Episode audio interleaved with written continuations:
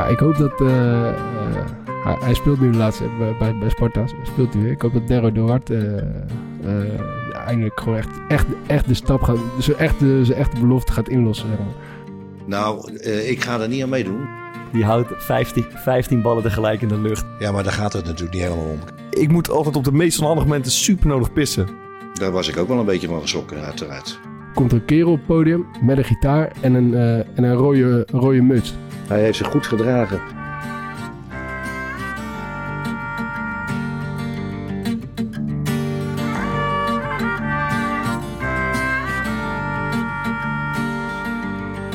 Woensdag 9 december.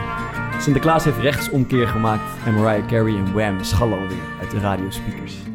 Na het uitstapje naar Den Haag van vorige week zijn ook wij weer terug op vertrouwde bodem.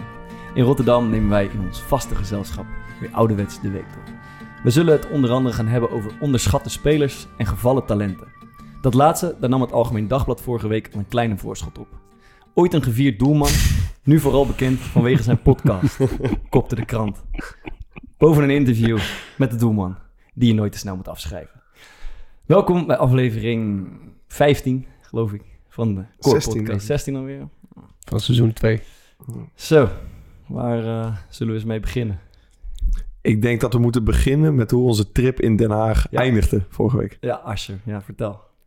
Ja, ik vond het meest bizarre wel dat we op de terugweg eh, gingen we de auto halen in de parkeergarage. En daar zagen we echt een, een pitbull staan bij het loket van de parkeergarage. En dat was de assistente van Lodewijk Asscher. Wil je er een ruzie mee? Ja, dat Nee. is iedereen ruzie mee, hè? Je, je, je kijkt wel... Hebben jullie House of Cards gezien? Ja. Die Kevin Spacey heeft in die serie toch ook zo'n assistent die, eh, die over lijken gaat. Ja, Ja, daar deed me een beetje aan denken. Hoe, Dat, hoe dat heet is die gozer. Ja, maar die, die zit dan op een gegeven moment met met, met een gebroken arm thuis Ja, nee, uiteindelijk, eh, uiteindelijk eh, is hij volgens mij verlamd en zo. Ja, En, dan wordt hij gepasseerd, maar daar kan hij ook niet mee omgaan. nee, ja, die is helemaal, helemaal psycho. Is die. Maar zo erg was het ook weer niet. Maar het deed me wel een beetje, Ja, ja ik, had wel idee, ik had wel het zij ook wel de touwtje in handen had, man. Ja, Ja. maar wat was er aan de hand? Ze hadden het aan de stok met, eh, met de parkeerwagen. Ja, voor mij was ze de... eh, als je bij de, bij de Tweede Kamer of zo ergens in de buurt werkt... dan heb je zo'n pasje dat je gewoon die eh, parkeergarage in kan.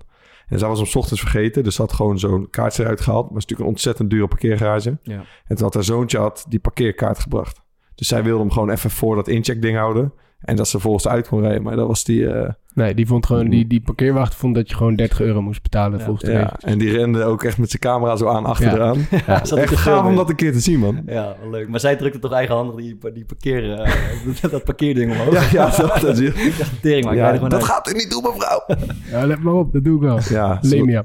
Lemia. Ja, Ja. dat is leuk. Sowieso was het, eh, het was een beetje een gedoe om binnen te komen in, eh, in eh, de Tweede Kamer met allerlei scans en, eh, en checks. Maar uiteindelijk, wat mij wel echt beviel was eh, gewoon de transparantie van de Nederlandse politiek, laten we wel wezen. Je kan daar gewoon naar binnen lopen, je kan als ja, een paar voetballetjes eh, een afspraak maken met, een, Ja. eh, met de premier. En toen, toen dacht ik wel van ja, in- dat zie ik in, in Washington of in het Kremlin eh, niet zo snel gebeuren. Dus dat ja, is toch wel, eh, pleit toch wel voor Nederland, vind ik. Ja. Waar denk je dat het makkelijker is? In Washington of in het Kremlin? Eh, Ben ik toch geneigd Washington te zeggen. Maar ik ook.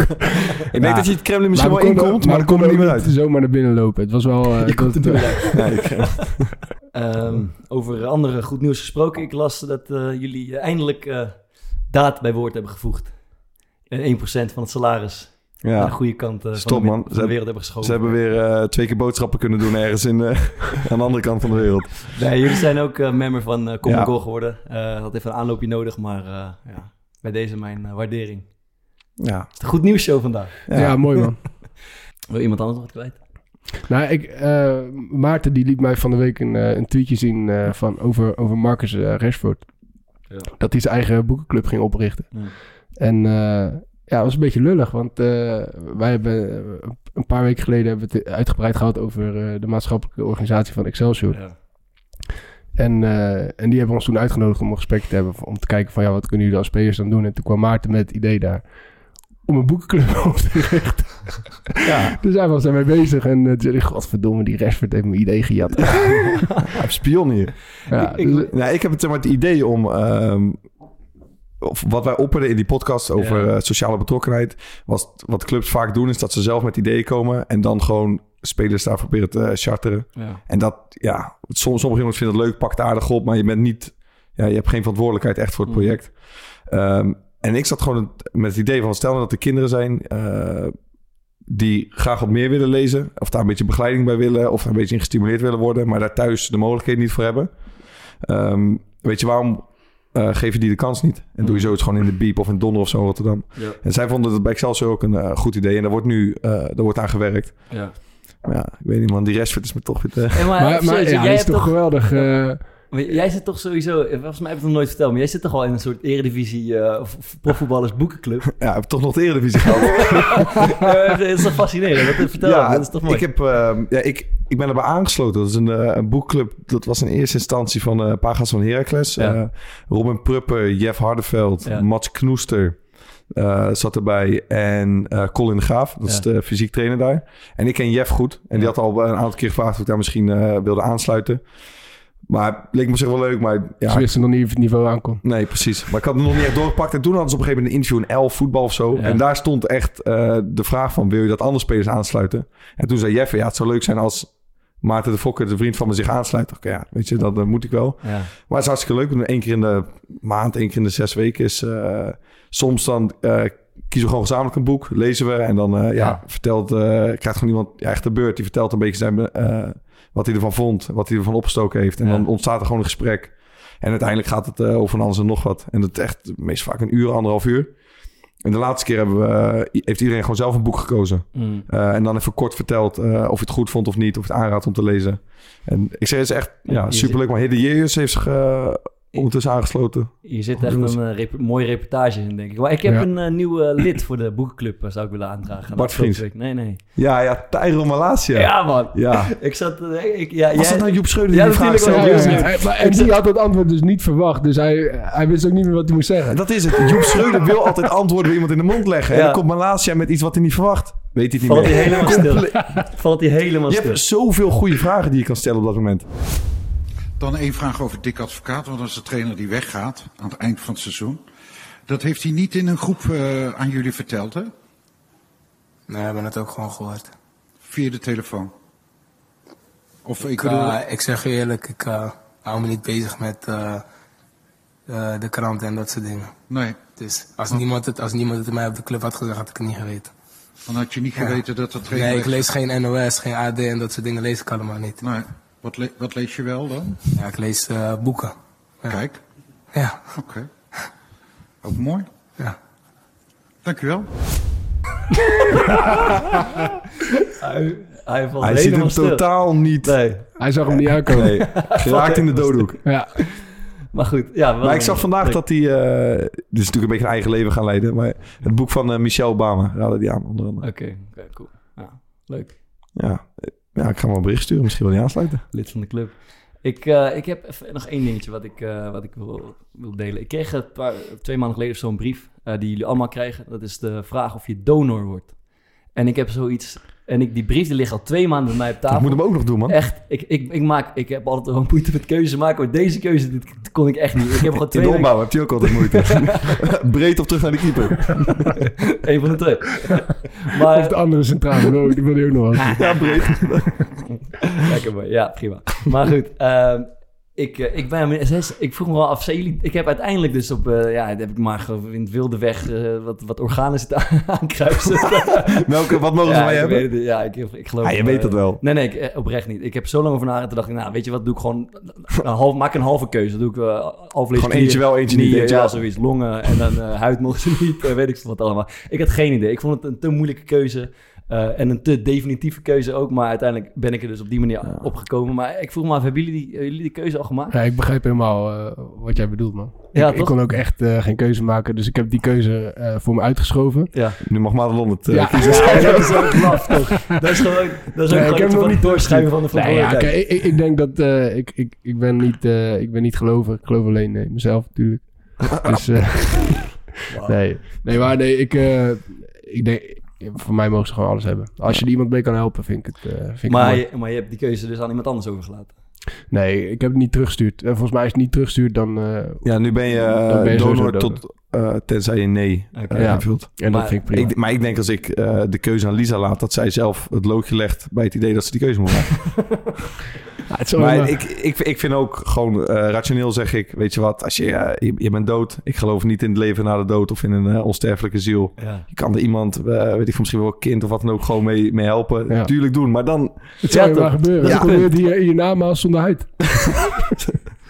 Ja, maar, ja, maar het, het is ook weer zoiets. En dat, ik heb het met Lisa wel eens over gehad. En die, die zegt dan van ja, maar ik wil niet dat jij dan die... Zelfs pakken je huid of zo. En dat moet natuurlijk allemaal direct. Dus dan kan je verder ook als nabestaande niet echt meer goed afscheid nemen. Ja. Dus ja, dat heb ik Ja. ook wel gevoelig voor. Maar dat is precies het ding, want i- in alle logica en, eh, en, en eh, ratio denk je van, ja goed, je bent toch dood eh, en je kan er iemand anders mee helpen, dus, dus neem maar wat je wil nemen. Ja. Maar dan heb je dat briefje voor je en dan moet je dat alleen nog even aankruisen van, ja neem maar wat je wil nemen. Ja. En dan ga ik toch denken van, ja, dan ga je ineens heel erg eh, existentiële vragen stellen van, eh, moet je dat lichaam nog hebben als je dood bent? Heb je er Ja. nog wat aan? Wat gaat ermee gebeuren? Ja, en is het Eh, belangrijk om iemand anders te helpen... of dat eh, jouw nabestaanden rustig afscheid kunnen nemen? Ja, Afscheid Dat- nemen kunnen ze toch wel. Ik bedoel, eh, of ze dat nou doen van je dode lichaam of gewoon van een gesloten kist. Ja, maar dat is denk ik wel iets makkelijker gezegd nu. eh, Ja, zo. d- ja, ik denk juist niet. Denk je niet? Ja, je doet toch waarmee je, waar- waarmee je het doet. Ik bedoel, eh, ja, als er een lichaam ligt dan, eh, en, en die kist is open of die kist is dicht, dan neem je toch hoe dan ook ga je het Ja, afscheid maar nemen. ja, ja, natuurlijk ga je afscheid nemen. Maar ik, ja, ik kan me ook wel voorstellen dat mensen zeggen... ik vind het fijn om iemand nog echt even gewoon te kunnen zien liggen. En, maar mm, als het huid ervan af is gestroken... Ja, dan nee, dus dan niet. kan het dus niet. Nee, nee, Nee. Dus daar gaat het over. Ja, ja. Kijk, ik, denk- ik ga, ik moet hem nog steeds, eh, hoe zeg je dat, invullen. Maar ik ga wel gewoon dat ze alles mogen hebben. Alles. Ja. En anders is het ook wel een makkelijke keuze om gewoon eh, niks te zeggen... en dan het aan je partner over te laten. ja. Eh, dat doet me altijd een... eh, Alex Pastoren, dat is een mooie metafoor. Als je het dan toch over de opbouw hebt, dan had hij, zei hij altijd... eh ja, maar spelers die... eh, De hond in de gang. Nee, nee, nee. Spelers die, eh, zeg maar, heel, als ze onder druk komen, dan spelen ze die bal af naar de tegenstander, die dan nog erger onder druk komt. Ja, niet over, over dat, eh, dat pakketje van Linda de Mol doorschrijven. die bom. Met die bom. Die bom. Ja. Ja. Ik hou van Holland, dat je altijd zo'n bom en dan ging, de, dan ging de tijd lopen. En als de tijd dan bij nul, dan explodeerde die confetti in je gezicht. Ja, bij, ons, bij, ons vond, ik een wel, sterke metafoor, maar ik heb nu het idee dat je, jij hebt dat pakketje van Linda de Mol is aan Madelon doorgeschoven. Ja, Dat ja, precies. Ja, Die andere was ook mooi, met, eh, met de hond in de gang. Dat ging dan over eh, als je op het middenveld de bal krijgt. En, en, en, je, en je hebt gewoon in principe genoeg tijd om, om door te draaien en om je ding te doen. En als er geen tegenstander zou zijn, zou het makkelijk binnen die tijd kunnen. Ja. Maar als er dan in één keer wel een tegenstander komt, dan word je toch op een gegeven moment zenuwachtig. En dan doe je ja misschien kennen niet. iets, dat is Dan tijd zei voor hij, je eh, dat kon je dan altijd vergelijken met dat je eh, je huis in moest. Maar dat je in een gang liep en in die gang kwam er een hond aan, een bloeddorstige hond. En dan moest jij nog met je sleutel eh, de deur openmaken.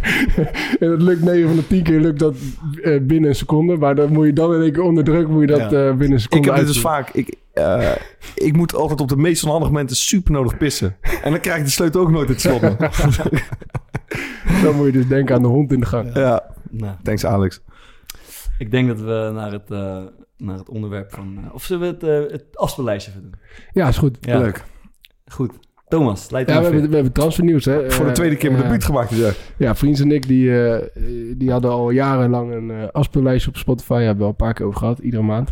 En eh, ja, Maarten de Fokkert, eh, die is erbij gekomen. En die, eh, ja, het was tijd voor nieuw elan in de ploeg. ja, nee, we, we een hadden, wat, we hadden wat, verjonging, wat verjonging nodig Ja. eh, binnen de selectie. Dus Maarten, die stelt nu ook... eh, Ook wel een iedere- beetje denken in het kader van de diversiteit. Ja, we hadden verbreding hadden we ook nodig, denk ik. We Ja. hadden, het, het, de opzet was altijd elftal van de maand. Dus één keer in de maand, het begin van de maand, Ja. maakt Thomas een elftal. En ik een elftal, elf liedjes waarvan je denkt van, nou, is de moeite waard voor mensen om te luisteren.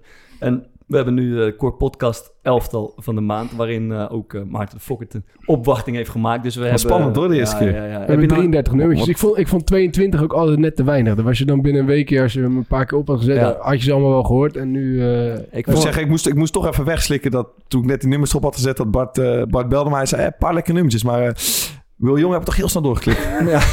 ja, dan schrik je toch even. Ja, ja ik vond het. eh, Ik vond, eh, hij, voegt wel wat toe wat wij eh, absoluut niet in het lijstje hadden tot nu toe. Dus dat is, dat is mooi. Ik vond het nummer van Kanye West vond ik gruwelijk, man. Ja, you, die- Use is Gospel. Ja, ja. Ja. ik vind die plaat... Hij, ehm, hij maakte vroeger natuurlijk echt hip-hop. Ja. En Kanye West is nu helemaal overgestapt op het woord van Jezus. En het evangelie ja, overal verspreiden. En ja, daar hou ik zelf dus heel erg van. Maar ik vind gospelmuziek wel heel erg mooi. En op dit album staan een aantal van die platen. Deze is echt... eh, Ja, hij is een beetje een moderne Bob Dylan, vind ik, eh, Kanye West. Een soort, soort enigma is het. En eh, Bob Dylan was op een gegeven moment ook eh, volledig in, eh, In de heer. ja, in de Heer inderdaad. En hij maakte hij ook alleen en maar, pla- hij maakte alleen maar platen over, eh, over Jezus en over God. En dat doet hij nu ook. En, eh, en, en, en, en hij switcht iedere keer van genre. Dat vind Ja. ik gruwelijk, man. Ja, Kanye West was bij uh, tijdens terug bij Joe Rogan. En daar vertelde hij over zijn plannen voor eh, na corona. En dat hij dus eh, zulke nummers wil laten opnemen in voetbalstadions. Dus dat hij dan bijvoorbeeld 60.000 man, een koor van 60.000 man samenstelt. En dan zo'n nummer laat doen. Ja, dat, moet wel echt gruwelijk zijn, denk ik. Ja. Mooi, ja. Use this gospel for protection. It's a hard road to heaven. We call on your blessings. In the Father, we put our faith. King of the kingdom, our demons are trembling. Holy angels defending. In the Father, we put our faith. Toby, wie heb jij, eh, wie heb jij op goal staan dan? Ja, ik heb eh Piet, Piet, Piet van de, van de Baby Shambles eh, op goal gezet met eh, Fuck Forever. Ik, ik denk niet dat het jullie echt kan bekoren, dat nummer. Ja. Maar ja, ik dacht, we gaan het over hebben. En eh, toevallig heb ik eh grandioos mooi verhaal Dat was, eh, over, was wel mooi. Ik dacht over, even... over- Piet ik was bang dat... Ja, ik toch wel verwacht dat jullie me een beetje als ontgroening zouden gaan afbranden. nee, nee. Dus ik dacht, weet je wat, even luisteren. En ik kom altijd goede nummers tegen. Maar ik dacht ook even luisteren of ik iets echt kut vind. En ik vond dit... Ja, ja. Teringzooi. Ja, was niet mijn... eh, Hebben jullie die eh, documentaire van Amy Winehouse wel eens gezien, Ja. eh, Amy? Waanzinnig. Dat gaat dan over die, die man van haar die haar volledig de, de Panari intrekt, Ja. zeg maar. En dat was een van de beste maten van, eh van, van Pete Doherty in Londen in die tijd. Ja. Pete Doherty is een enorm eh, drugsfiguur. Harde drugs, op, harde, harde drugs, op. Harde drugs, op, harde, harde drugs, op. Die er een sport van maakte om, om niet op te komen dagen bij eh, concerten van zichzelf. Eh, en is ik, handig. ik ben dus ooit een keer eh, in Wat hier in Rotterdam. Ah, dit verhaal ken ik. Dit is echt mooi. Ja, is zo mooi. Ben ik, eh, ben ik naar een optreden van hem geweest. Mm. En eh, ik zat daar met mijn maat eh, Jan. En eh, wij zitten daar denk ik al een uur te wachten op, op Piet Doherty. En wij wisten, hij had de reputatie dat hij normaal gesproken niet op kwam dagen. Hij was zelfs een keer in Eindhoven, is hij een keer opgesloten in zijn kleedkamer. En toen is hij, is hij, heeft hij toch weten te ontsnappen en kwam hij niet opdagen. Dus er- ergens Lazarus geworden in de stad. Dus wij zaten te wachten. En op een gegeven moment, na anderhalf uur, komt er een kerel op het podium met een gitaar en een, eh, en een rode, rode muts. En die begint, eh, die, die zegt, hey, eh, ik ben dit en dit. En dit nummer is voor, hij noemt een meisjesnaam. En je, je staat ergens in de zaal, dit nummer is voor jou. En hij speelt één nummertje en hij gaat er weer af. En tien minuten later komt Pete Doherty gewoon optreden. In zijn eentje. Hij zou met zijn band komen, maar hij kwam in zijn eentje. Dus hij, heeft dat, dat optreden gedaan. Was trouwens geweldig. En ik ging daarna met mijn maat nog een biertje drinken in de Irish Pub. En wie komt daar binnen gelopen? Eh, die gozer met die, met die rode muts. Dus ik zeg tegen hem, hey, jij was net, eh, je stond net op het podium. Hij zegt, ja, nou, hij zegt, dat is echt bizar. verhaal. Hij zegt, ik loop... K- Club Wat zat op de, op de, eh, de kruiskade. Er zit nu een, eh, een eh, Aziatische supermarkt trouwens. Eh, hij zegt, ik loop op de binnenweg. Is een straat ook in Rotterdam. parallel aan de kruiskade. En ik loop daar en er komt in één keer een, eh, een dronken Engelsman naar me toe. En die zegt tegen mij... Weet jij waar Club Wat is? Want eh, ik, ik, moet daar, ik moet over tien minuten zijn. Hij zegt, ja, hoezo? Hij ja, ik moet daar over tien minuten optreden. Hij zegt? Ben jij Piet Doherty? Hij zegt, ja, dat ben ik. Hij zegt, ja, ik weet wel waar Club Wat is. Maar mijn vriendin staat daar binnen en ik kon geen kaartje meer krijgen. Dus als ik mee naar binnen mag... breng jou naar Club Wat. Hij zegt, ja, is goed jongen. Dus Piet Doherty achter op zijn fiets eh, naar Club Wat. En ze komen daar binnen en ze komen daar via de artiesteningang. eh, de, hele, de hele apotheek lag daar op tafel. En eh, hij, krijgt een biertje. En Piet Doherty loopt weg, komt terug met een gitaar. En zegt zo, ga jij je vriendin maar even verrassen. Dus en toen is hij een nummertje gaan spelen op, eh, op het podium. en eh, ja, dit, nummer, dit, dit verhaal, die gozer is daar dus nooit mee naar buiten gekomen. Maar ik ben zo benieuwd eh, waar en wie die gozer Waar nou die is. uithangt. Zou je Ja. naar de podcast luisteren? Ja, want hij, ik zat toevallig ook vandaag top 2000 te kijken. Ja, daar is dit verhaal natuurlijk, Natuurlijk geweldig voor, uitermate Ja, geschikt voor. ja, ja, ja. Goed, mogen we door? We gaan door. Onderschatte spelers en gevallen talenten. Ik, eh, dat, is, het- dat is het onderwerp van vandaag. En ik las een, eh, een, eh, een artikel, een verhaal in de, van de New York Times... die dat best wel mooi inleidt. En de titel van het stuk is... There is no such thing as a bad player. En dat gaat over Patrick Bamford. En dat was ooit een grote belofte van, van Chelsea. Maar het brak niet door. En dan via allerlei bekende omzwervingen. Verhuurd aan Norwich, verhuurd aan Middlesbrough. Je kent het wel. Telkens een divisie lager. nou ja, gewoon telkens. En, die, en dus, dus dat grote talent, dat, dat haakte een beetje aan in de championship. Dan weer wel spelen, dan weer niet spelen. En die, eh, die kreeg op een gegeven moment het stempel speler uit. de- Gewoon een oké speler uit de championship. Ehm, totdat hij eh, een aantal jaar later, hij is nu 27, bij Leeds United belandde.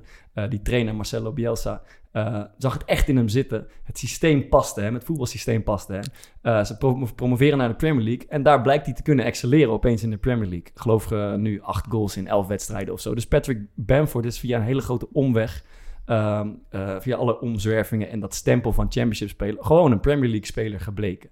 En dat is volgens mij wel, eh, ik vond het wel een mooi verhaal, omdat het volgens mij heel illustratief is voor, voor veel voetballers. Ze zijn, eh, zijn talenten die op een of andere manier soms klein worden gehouden, soms helemaal niet meer doorheen komen, maar uiteindelijk is er voor iedereen misschien wel een, een plek en een, eh, en een moment waarop het wel zou kunnen. En dat, eh, dat is een beetje het... eh, Maar in Engeland is het ook anders, toch? Want die competitie is een soort van eindstation. Dus de gemiddelde leeftijd ligt daar volgens mij een stuk hoger dan bijvoorbeeld in de, in de eredivisie. ja, maar De- het- de- dus voor jeugdspelers die, die Engels zijn, is het extreem moeilijk volgens mij om, eh, om door te breken. Dus die zie je dan heel veel verhuurd worden aan Ja, het is heel eh, gebruikelijk dat je eh, jarenlang vuurd wordt. Ja, en, en, en dan uiteindelijk op hun 25, 26 zie je dat die gasten uiteindelijk toch vaak ja, alsnog wel een keer de Premier League inkomen. Ja, maar het, het, het, deed mij in ieder geval aan denken aan... eh, we hebben allemaal wel met, met talenten gespeeld, met spelers gespeeld... waarvan je denkt van, ah, ik, die, die waren zo fucking goed. Of die, Ja. daar zit zoveel in, maar op een of andere manier komt het er niet uit. En ik, en ik, ik denk dat we een beetje op zoek moeten naar, naar voorbeelden. En ik voel me af of jullie al iets, eh, iets te binnen schiet.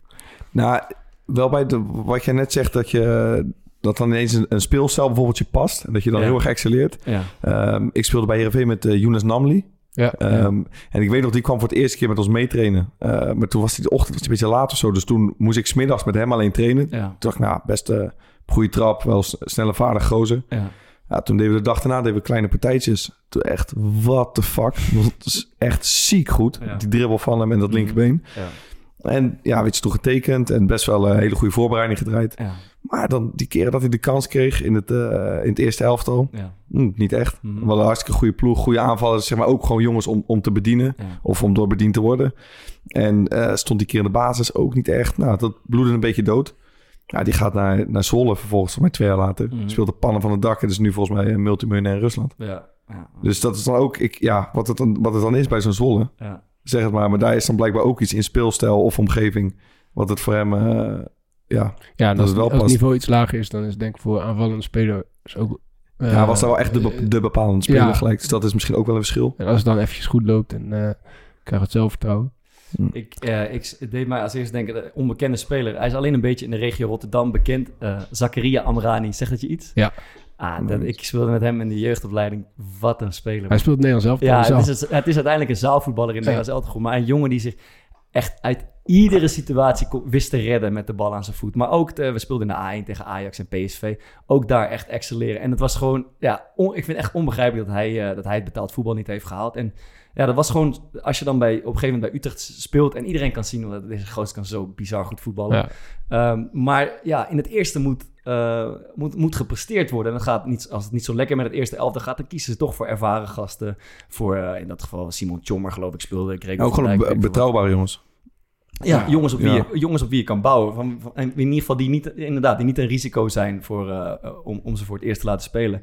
En ja, op een gegeven moment ja, blijft hij gewoon een beetje in dat jong Utrecht hangen. En eh, ook, ook wat problemen met zijn gedrag uiteindelijk. En dat betekent een exit voor hem in het voetbal. Terwijl ja, een groter, een, een, een handiger speler dan dat heb ik eigenlijk Ja. daarna niet meer gezien. Maar mijn, mijn broertje speelde in de, speelde in de Eredivisie. Ja. dus ik, die, ik heb hem een aantal keer zien spelen toen hij tegen hun eh, speelde. Ja, Nou, die gast die verliest de bal gewoon niet. niet. Ja, Niet, maar dat- gewoon, nee, ja. die gaat dribbelen en eh, die, die moet dubbele dekking krijgen. Als hij die niet Ja. krijgt, dan, eh, dan, dan Ja. is binnen, dan is Echt kassa. geen flauw idee hoe dat moet Eh, voelen. met, met, links, met links en rechts schieten echt, echt een wereldspeler. Maar dat, en dan denk je, er zijn, als je dat dan ziet, ja, hij is dan nu eh, wat, ongetwijfeld wat, eh, wat meer op leeftijd en wat zwaarder zijn geworden. Maar als je ziet, de, de- Maar- hoeveel, hoeveel ploegen hebben er wel niet behoefte aan creativiteit? Maar denk je dan als bij hem iemand bijvoorbeeld was geweest eh, bij een andere club, misschien iets lager niveau in Utrecht, Tuurlijk. die zich over hem ontfermd had Ja, en dan zeggen, tuurlijk. weet je wat, je krijgt hier de tijd dat hij... ja, 100% denk ik ook natuurlijk. Al was het, al was het, eh, eh, laat ik zeggen, al was het Telstar.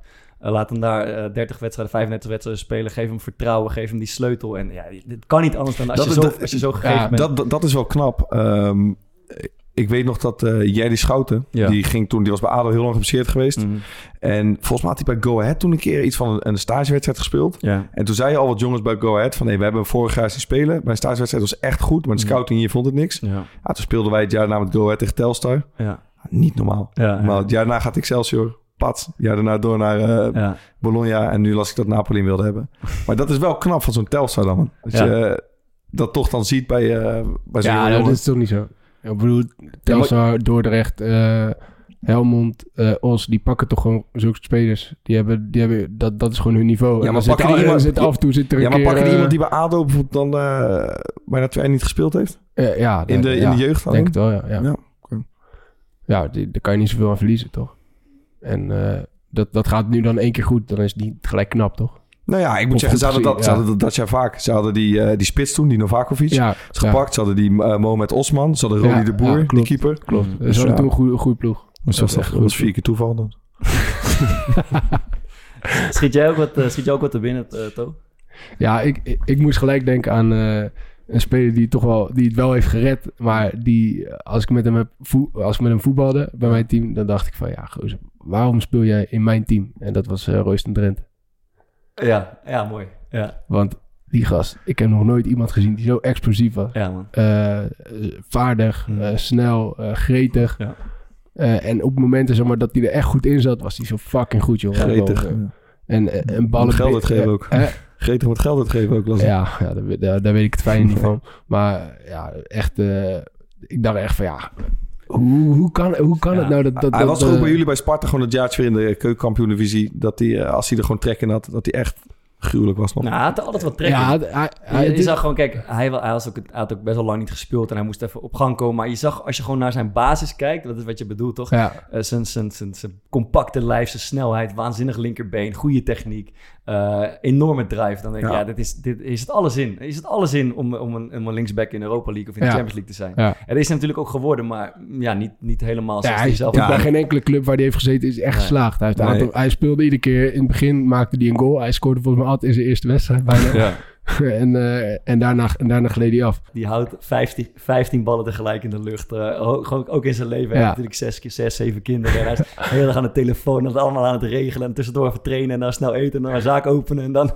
Ja. dat is echt... eh, ja, met, maar maar in, in de basis echt, echt een topspeler. Ik heb, wel, ik heb met één jongen gespeeld, eh, Jeroen Loemel. Ja, Ja, die was, eh, daar speelden wij dan al vanaf, uit van mijn lichting, echt al vanaf de Age of Dates tegen. Ja, abnormale speler. ja, En die maakte toen, denk ik, toen hij 16 was, eh debuut bij eh, Willem II. ja. Ja, dat ging allemaal, eh, allemaal goed. Gruwelijk talent, maar echt, echt een probleem, jongen. En die is toen op een gegeven moment naar Ludo Goretz gegaan, volgens mij. En ik ben hem toen tegengekomen, kwam hij bij Heerenveen. Hm. Is hij na drie maanden weggestuurd. Had hij volgens mij iets van vijf of zes officiële waarschuwingen gehad al. Wat, wat, doet, hij- wat doet hij dan? Wat zijn nou ja, een, een van de dingen was, ik, eh, dat, dat was mijn, het was mijn eerste jaar bij Heerenveen. Mhm, En ehm, ik had toen mijn rijbewijs nog niet. mhm. Dus ik ging met de trein op en neer. En hij kwam uit, eh, uit Breda. Dus hij had gezegd van... hé, hey, fuck it, als je wil... ik kan je in Breda afzetten. Hoef nog maar een klein stukje met de trein. Ja. Ik zei, ja, dat is goed.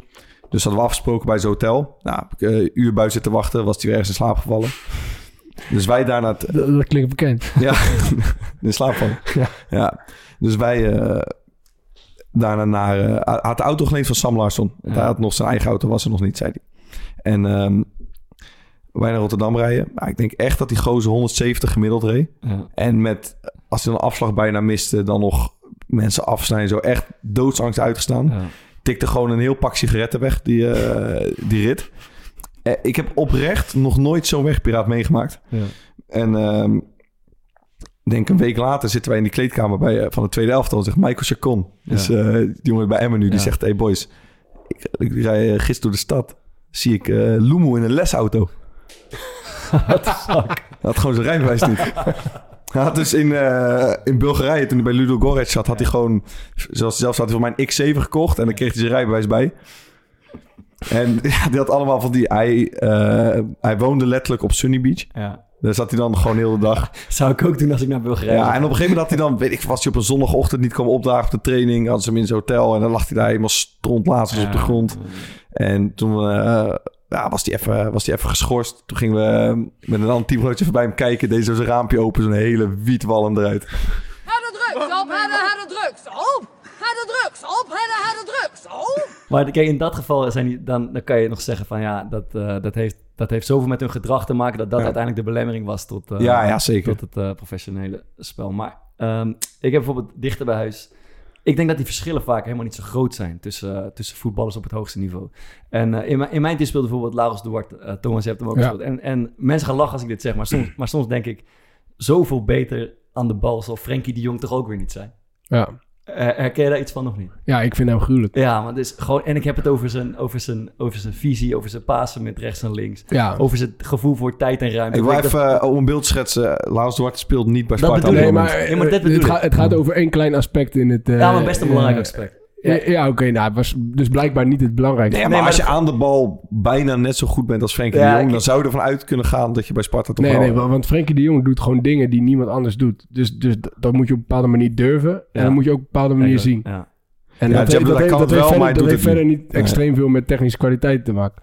Ja, dat is, en, en plus eh Het, heeft er wel mee te maken, maar, maar je begrijpt wat ik bedoel. Ik, ik snap heel goed wat Bart zegt. Maar die- Als je hem ziet voetballen en hij heeft het, dan is Ja, hij niet ik- van de bal te maar krijgen. gewoon, het, vooruit. het, het, na, het nadert perfectie in het, Ja. in, het, eh, in, het, eh, in het gevoel voor tijd en ruimte. Pasen, Ja, ja, juiste ja. kleur spelen, juiste been Ja, je ziet wat iemand spelen bij je club Ja. gewoon... en dan denk je, het, het, inderdaad, het kan niet veel beter zijn dan Ja, dit aan de bal. En, maar dat, en, dat, en wat ik zeg, ik vind het een supergoeie speler, maar hij speelt bijna nooit bij ons. En, en dan, bij dat soort spelers denk ik, natuurlijk heeft Frenk de Jong ook superveel snelheid op de eerste meter en een gigantische dosis lef. Ja.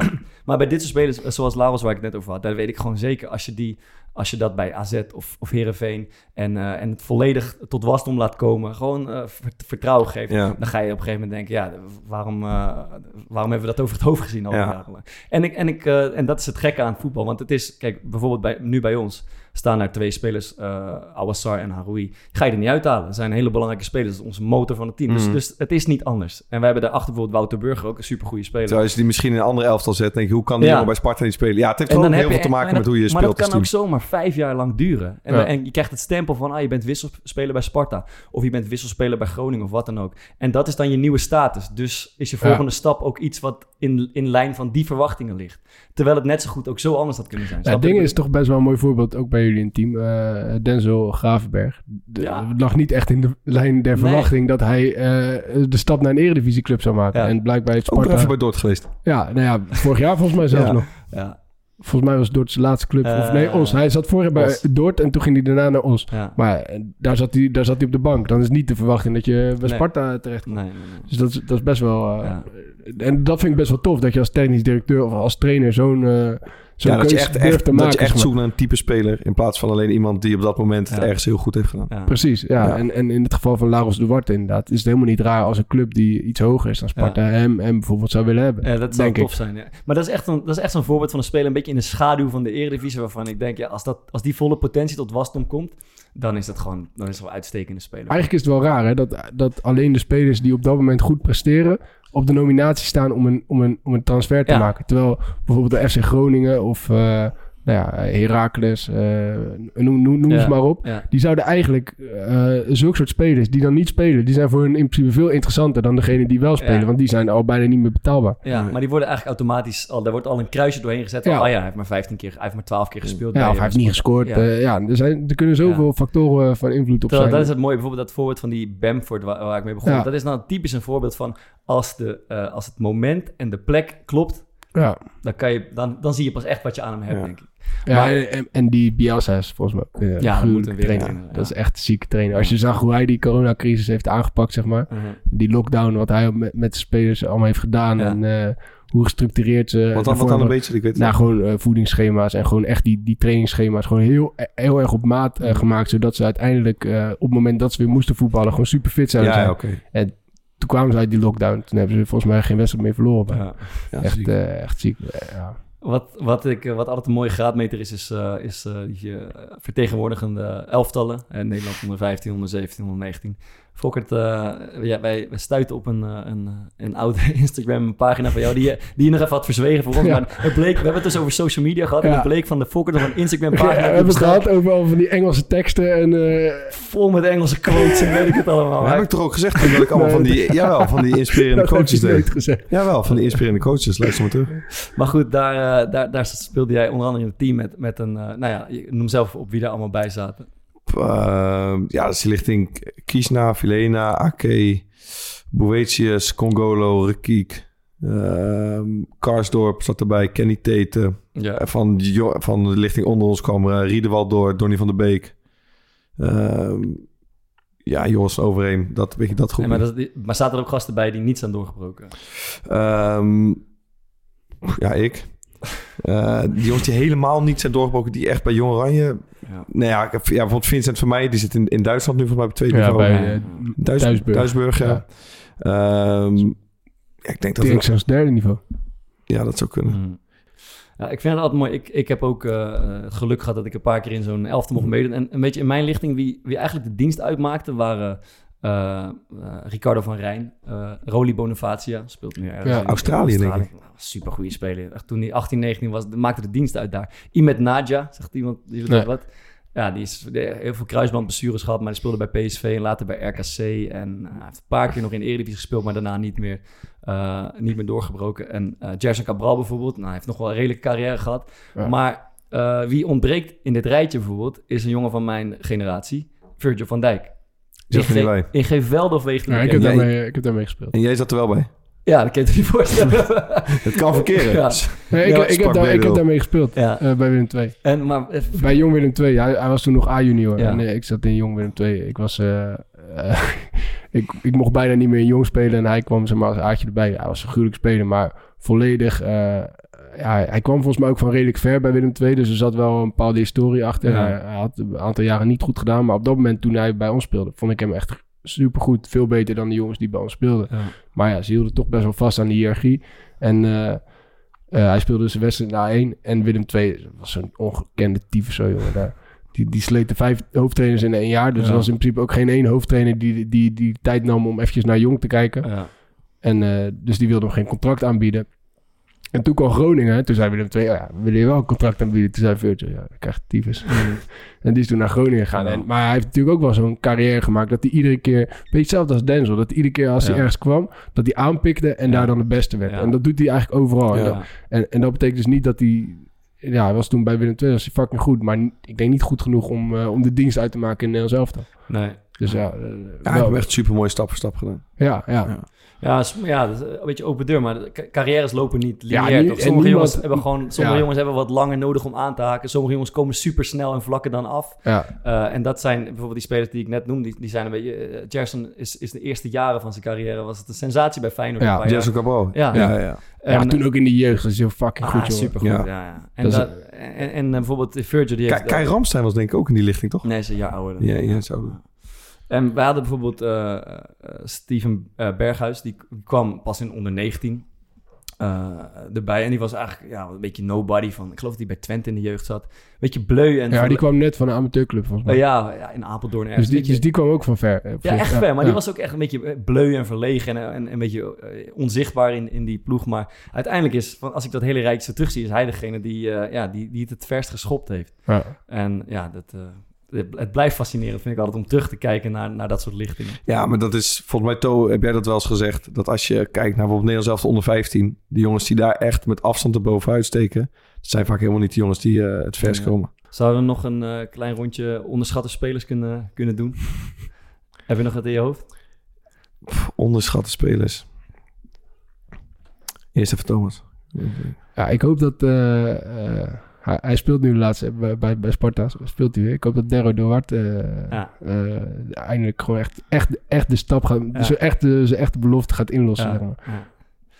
Ja. Mooi. Ik, eh, ik, eh, ik probeer ook een beetje breder dan naar, bijvoorbeeld naar tegenstanders te kijken. En een speler die in Nederland eigenlijk niet helemaal door is gebroken en best wel veel eh, kritiek stuiten, maar ik vond het zo'n waanzinnige speler. Dat is de Renato Tapia van, Ja. is van Ja. Twente. En, en ik weet, als je dus, het grappige is als je dus aan voetballers onderling vraagt, die jongens die met hem gespeeld hebben, Wat vind je van Tapia? Zegt ze allemaal wat, een- wat een speler. Hij, is, speler. hij is precies zo'n voorbeeld van wat we net zeiden over, over als je dan bij Feyenoord op zo'n moment terechtkomt. Ja. Ja. dan ben je, Feyenoord is echt een soort kerkhof Ja. voor, eh, voor talenten. Ja. Die, die, die, die, die Marokkaanse gast van Utrecht. Ja. Eh, Ayoub. ja, Ayoub en, eh, Amrabat. en Amrabat, Amrabat, ja. precies hetzelfde. Ja, Want die, die Tapia stond toen ook ineens weer centraal bij Feyenoord. ja, En toen, hij, hij deed af en toe rare dingen. Maar ik, hij heeft ook zoiets zieks. ja. Dat hij, die heeft er dan op, eh, speelt heel weinig. En die speelt dan eens in de Europese wedstrijd centraal. En dan gaat hij lopen kap achterin en scharen. Dat gaat dan ook allemaal goed. En. Dat vind ik echt fascinerend. Ja, maar hij zat geloof ik bij Twente daarvoor. eh, het powerhouse, jongen, niet te geloven. En zoveel scheid. Gewoon alles, alles doen wat hem opkomt. Creatief. Ja, ik vind het, dat zo'n speler waarvan je denkt... Als je dat aan een gemiddelde fan vraagt, zeg je... Ja, nou, is eh, te kort voor de. Eredivisie of weet ik veel wat. Kut spelen, geen rendement. Maar als je dat aan voetballers onderling vraagt, dan loopt iedereen met hem weg. Precies, dat is een hele goede vriend van me, Branko van de Bomen. Ja. Is, als je die jongen zeg maar ziet voetballen op de training... Mm. dan denk je van als deze bij een Nederlands top 3 club meedoet positiespel... Ja. het kan niet dat hij dan eh, Door de mand. valt. nee, of in de problemen komt. Ja. En bij Heerenveen, eh hij kwam toen van FC Eindhoven, had hartstikke goed gedaan. Hij kwam in het begin, ging drie wedstrijden supergoed. Eh ineens waren er geen resultaten meer. We gaan heel verdedigend spelen, dus er gaat een eh, verdediger ging op zes spelen. Ja, dan, en hij is verdedigend niet zo sterk. Hij, Ja. eh, is, hij is best wel traag. Ja. Geslachtofferd, gaat het jaar daarna naar Willem II, ook omdat hij dicht weer bij huis wilde wonen. Mm. Speelt degradatievoetbal, heb je helemaal niks aan zo'n type. Ja. Terwijl ik denk nog steeds, ja, als je hem in, echt in een lekker voetballend ploegje zet. Mm. Maar hij speelt nu bij Toulouse volgens mij. Toulouse, ja, Ja. samen met Spierings. Ja, mooi. Ook Ja, leuk daar, daar moeten we... Ja, daar moeten we van de zomer in. Dat zou Ja. leuk zijn. Wij zijn- Ja, over de bre- breekbaarheid van je carrière gesproken. Het, eh, Stijn Spierings is een mooie man. Ja. De- de- eh, bij- bij Sparta toen eh, doorgebroken Ja. en niet echt doorgebroken. En toen Mm. kwam hij op de bank, zat, zat samen met mij op de bank bij Henk Vrezen toen in de, in de keukenkampioen-divisie. En toen in de winterstop in, in zak en as wilde hij weg. Hij wilde eigenlijk gewoon, gewoon stoppen. Hij zei, ja, ik- ja, hij heeft met Spakenburg gesproken volgens mij. Hij wilde, om daarheen te gaan. En toen belde RKC nog. En toen eh, heeft hij toch nog één keer gezegd van... Nou, ik ga het toch nog een keer proberen bij RKC. Heeft hij dat gedaan? Nou ja. Bij RKC schiet hij, er, eh, schiet hij er op het juiste moment eentje in. Waardoor ze proberen naar de eredivisie. Bizar, ja. Hij is daar gewoon onbetwist nummer 10. Dus hij speelt altijd, speelt fucking goed daar zo. Maakt zijn team nog af en toe even kapot in die, eh, in die interviewtjes van hem. Die zijn wel mooi om een keertje te laten zien. Pakken we er nu, als we pakken we er erbij. Knip, Ja. knip, volgende. Ja, en, eh, en die maakte een transfer naar eh, Bulgarije ook volgens mij. Ja. En nu speelt hij bij Toulouse. Stijn Spierings, die is eh, vaak onderwerp geweest van de besprekingen van Ricardo Moniz. Want hij, hij liep weg bij Jerry Schouten Ja. eh, in de beslissende playoff wedstrijden scoorde. Dus toen kwam het jaar daarna weer terug. Toen was Moniz er weer. Toen zei hij, een van zijn eerste besprekingen, zei hij, die degradatie heb gewoon een naam. Jerry Schouten en Stijn Spierings. Maar wel, een wi- hij is wel een wereldspeler. Ja, Ja, die. ja, hij nog niet klaar voor. Wel zijn zakken vol. Ja, mooi. Wij, eh, wij, eh, wij fantaseren een beetje om een zomertoertje te maken langs eh, spelers. Die spelers weten het zelf alleen nog niet, maar we willen bij Stijn in Toulouse langs. We dachten, Ja. Martin de Roon in Bergamo, even de core podcast on tour, dachten we. Ja, lijkt me mooi. Wat zou nog meer mooi zijn? Ik denk, de Jurje zit in Duitsland nu, net over de grens. Ja, doen we- het zou mooi kunnen starten. Ja, Rick van Drongelen in Hamburg. Ja, ja. Lijkt dat is goud zeg. Wij- ik hoop het en te we hebben niet nog iemand in... kunnen we niet bij Pieter Kramer langs in eh Guinea? Eh, eh, ja, de- ja, hij kon niet trouwens vandaag, Sander. Oh. Eh, Ja, hij zou komen, maar Ja. hij moest naar eh, Sierra Leone. Ja. Eh, hij krijgt daar een Sierra Leone's, Leonees eh, paspoort. Ja. Dus hij moest helaas een stek laten gaan. Probeer het volgende week gewoon opnieuw. ja, toch? Ja, Als het goed is, is hij er dan ook bij. zou leuk als het een keer wil. Ja, als hij ons niet laat zitten. Ik, zullen we een interviewtje doen, maar weer eens een keer? Ja, Ik denk het ook. Ik denk, eh, kijk, de, de winter doet ze intreden. De velden worden weer een beetje hard en glad. En dan is er maar één eh, trainer waar je behoefte aan hebt. Voel hem aankomen. Wim Dusseldorp. Ja, wat een koning. Wat dacht jij eh, na een kwartier bij 0-2? Ik ben eens naar de dugout gelopen en gevraagd of daar ook iedereen eh, van die schoenen aan had. En dan bleek ook iedereen dezelfde schoenen aan te hebben. Toen dacht ik, eh, ik zit bij Monty Python. Ja, want het was opvallend hoe eh, de spelers van Eindhoven behoorlijk overeind bleven. En die van Fortuna toch redelijk vaak op de grond lagen. Bij Eindhoven speelde één speler met rubbertjes aan de rechterkant en de rest op zijn sneeuwschoenen, zoals die dingen dan heten. Bij ons eh, ja, niet. En hebben ze ook niet bij zich. Wordt het ook niet aangegeven? Ik heb om vier uur nog ge- gebeld naar de sportacclimatie om, of om met de vraag of eh, er nog in de kleedlokaal sneeuwschoenen lagen. Maar die lagen er niet. Dan ga je er als trainer vanuit dat je mensen hun professionaliteit eh, gewoon eh, hanteren en, en zaken in orde hebben. En dat hebben ze niet. En dan ben je teleurgesteld, gefrustreerd. Nou, in het Engels heet dat pist. En hoe uitzicht dat? Ja, nou, in dit gezicht. Heeft de nederlaag daar ook aan gelegen? Weet ik niet. Eh, in die zin tot eh, Eindhoven een prima ploeg heeft. Maar goed, als je zo begint en, en, en onze linkerkant, eh, volgens mij rondjes eh, 34-4 was een rijden. En dan, ja, dan houdt alles op. Dan gaat ook niet meer over tactiek. Ik heb in de rust drie man of twee man ingebracht. Dat waren de twee die konden lopen op dit veld.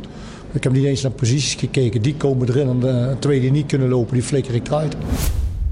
Wat, wat, wat vind jij ervan? Moet je, moet je altijd pinnen aan als het... eh, Nee, maar volgens mij bedoelt hij geen pinnen, man. Hij bedoelt denk ik echt kunstgasschoenen. Hij heeft, Nee, over, nee. hij heeft over sneeuwschoenen. maar Ik weet niet, ik heb geen idee. Wat Ik denk, Nee, hij gaat over pinnen. Denk, want als er echt sneeuw ligt, dan kan je beter natuurlijk op kunstgrasschoenen lopen. Nee, gewoon tuurlijk niet. Met die korte nopjes. Ja, nee, natuurlijk Nee, niet. als er echt zo'n laag ligt waar je niet, niet lekker in weg komt, als het veld hard is. Nee, nee. Eén Als, optie, pinnen. als het veld hard is, heb je toch niks aan pinnen? Ja, tuurlijk wel. Tuurlijk niet. Als het veld hard is. Ja, ja anders ligt er dan ook is bevroren, maar dan ga je niet spelen. Ja, Als hoezo niet? bevroren- is, het is zo vaak de doorspeel, Nee, dit gaat, is er- dit is. gaat er 100% over pinnen. Dat kan niet anders. Nou, ik, ik, ik, daar twijfel ik echt over. Ja, anders, ik bedoel, je, maar hoe, hoe, niemand hoe- heeft ooit, ooit kunstgrasschoenen bij zich. Niemand. Nou ja, dus daar kan je dat moet toch niet boos over? Nee, joh, dit gaat over pinnen. ik denk 100%. helemaal in het begin, toen het, eh, dat kunstgras een beetje opkwam, dat er echt veel gasten op kunstgrasschoenen speelden. En het kan toch ook niet dat er maar eh, twee jongens in je hele elftal pinnen hebben? Dat kan Ja, toch nee, helemaal nee, niet? eh, maar dat is, dat is dus waarom die Nee, maar dat kan, ik, dat kan ik echt niet geloven, dat er maar twee jongens pinnen hebben. Eh, Ja, we moeten het dan denk ik een keer vragen. Ja, Ja, dus we of even ging iemand- pinnen of Ja, over jij hebt zijn nummer toch, Bart? gaan we even regelen. Maar, nee, maar hey, ik, heb heel lang, ik heb heel lang geen pinnen gehad. Dus ik speelde nooit pinnen.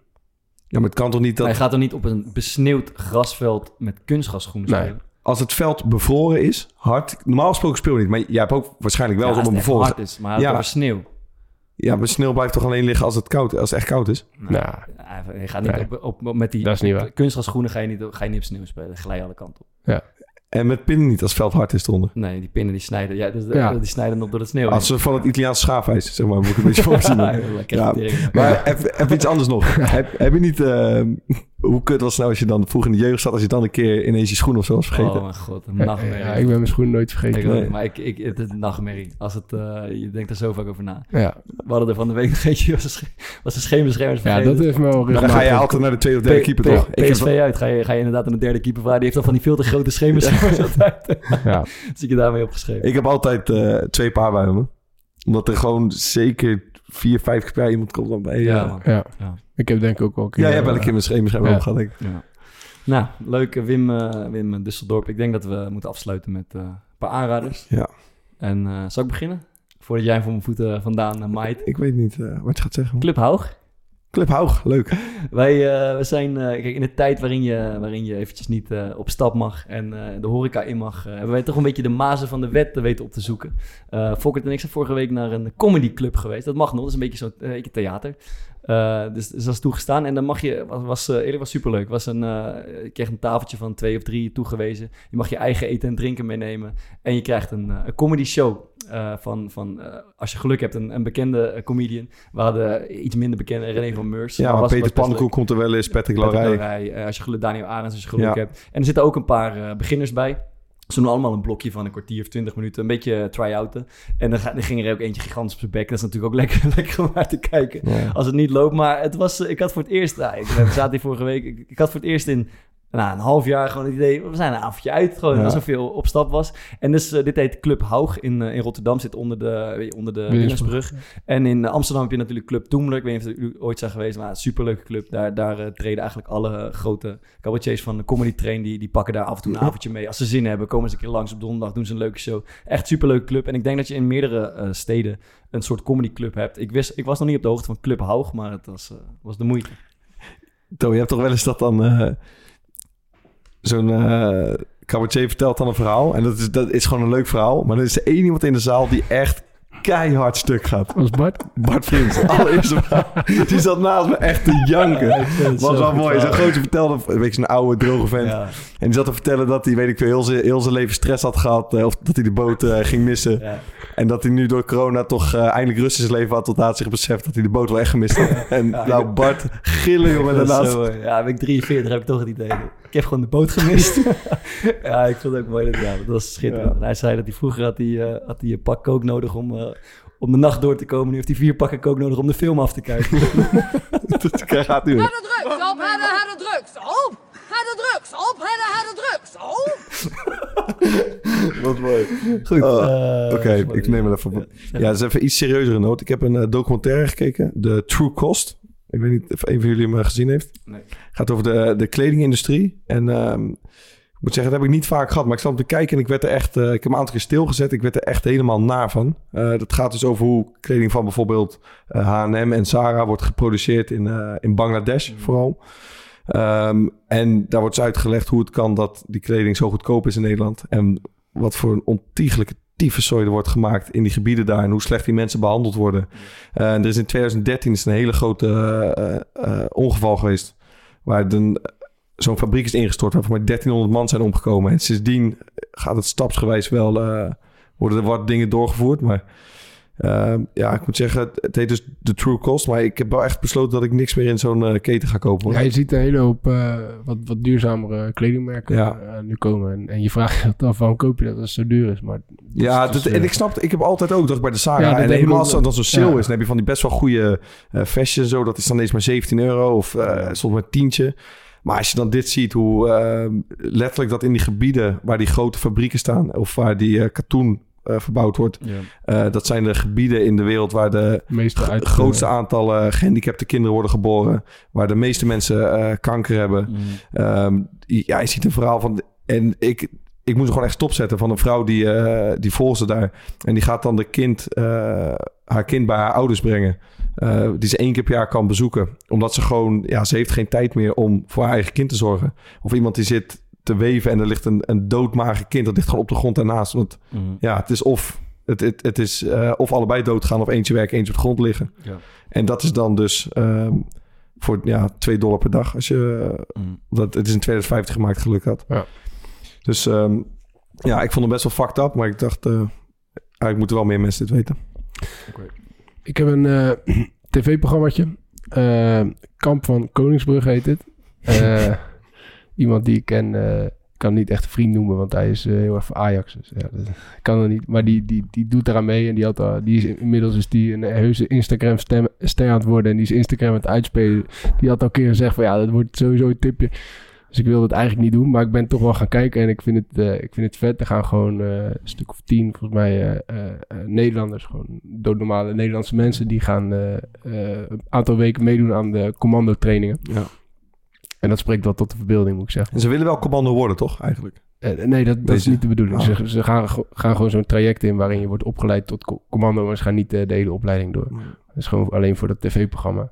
Maar ik vind het wel vet, man. En wij, wij hebben ooit een keer zijn we bij de commando's geweest. eh, met, met, oh, daar was je niet bij met, met, Sparta. Maar eh, ja, gewoon de, de mindset dat je gewoon altijd aan je afspraken moet houden. En dat je gewoon echt stabiel moet zijn in je Ja. gedrag. En iedereen komt op, er komt wel een keertje dat hij iets niet goed doet. En dan zijn er altijd verhalen van ja, ik had dit en ik had dit. Iedereen heeft altijd wel goede excuses. Maar eh, daar gaat het gewoon niet om. Het gaat er gewoon om, je zorgt maar dat je het fixt. En dat vind ik echt, eh, dat vind ik echt gruwelijk. Eh, en daar kunnen ook mensen wat van leren. Zeker binnen het voetbal. Het stond laatst, Bart, voor mij toen wij eh, aan het schaken waren, stond het eh, op bij jou. Ja, man. En toen hebben we een stuk zitten kijken. Dat was ook mooi. Er viel zo'n gozer... Ja, we zijn volgens mij acht uur lang lopen roeien of zo. Ja, die en is er het. viel Dat, dus... dat is, eh, dat, dat- dat- ja, dat is die maat van. Lofty. Nee, oh nee, die, die, die, Lofty die in is- slaap viel. Ja, die, die Lofty viel de hele tijd al roeiend in slaap. Oh, nee, ja, en en De- Dennis, die, eh, die, die had wat suiker nodig. Die, die, die Oh ja, eh, ja die, die kapte er even mee, toch? ja, ja, ja, ja, ah, dat is jouw programma. maat lachen. Ja. Ja, maar we hadden, volgens mij Bart, ik had een beetje hetzelfde. Ik weet niet hoe jij erin zat, To. Dat als je, ik vind ook altijd wel vet die dingen met die commando's zien. Maar als ik dan zo'n, eh, zo'n commandant of hoe je zo'n gozer noemt, dat- zo los zie gaan tegen zo'n Ja. gozer. Ik weet niet, man. Ik vind dat altijd een beetje ongemakkelijk. Ja, maar, het- maar ik, ik heb dus wel het idee... Ik vind het ook heel ongemakkelijk. Maar ik heb dus wel het idee dat daar fucking goed over nagedacht wordt. Daar. Ja. Dus waarom, waarom ze zo'n rol spelen, zeg maar. Waar, waarom ze zo hard zijn. Waarom ze zo eh, direct zijn. Gewoon, dat is gewoon puur dat op het moment dat het moet... dan moet je op elkaar kunnen vertrouwen. Ja. Dus eh, ik vind het wel tof. Goed. Mooi. Nummertje nog. Ja, eentje uit de ik, lijst doen. ik wil één gruwelijk nummer, man. Bart, als voor jou. Use of the Fall. Ah, lekker zeg. Ja. Ja. Ik vind het goed. Doen we die. Use Mooi. of the Fall van eh, Ik heb zitten oefenen op die uitspraak van Use. Jeremy Loops. ja. Tot volgende week. Hoi. Met Sander de Kamer. Hoi, hoi. Mm, you'll be happy if I ever walk the line, baby. You'll see. Catching pieces stayed up in the stars over me and wake me up. I don't ever want to wake up anymore. Oh, oh. Yeah.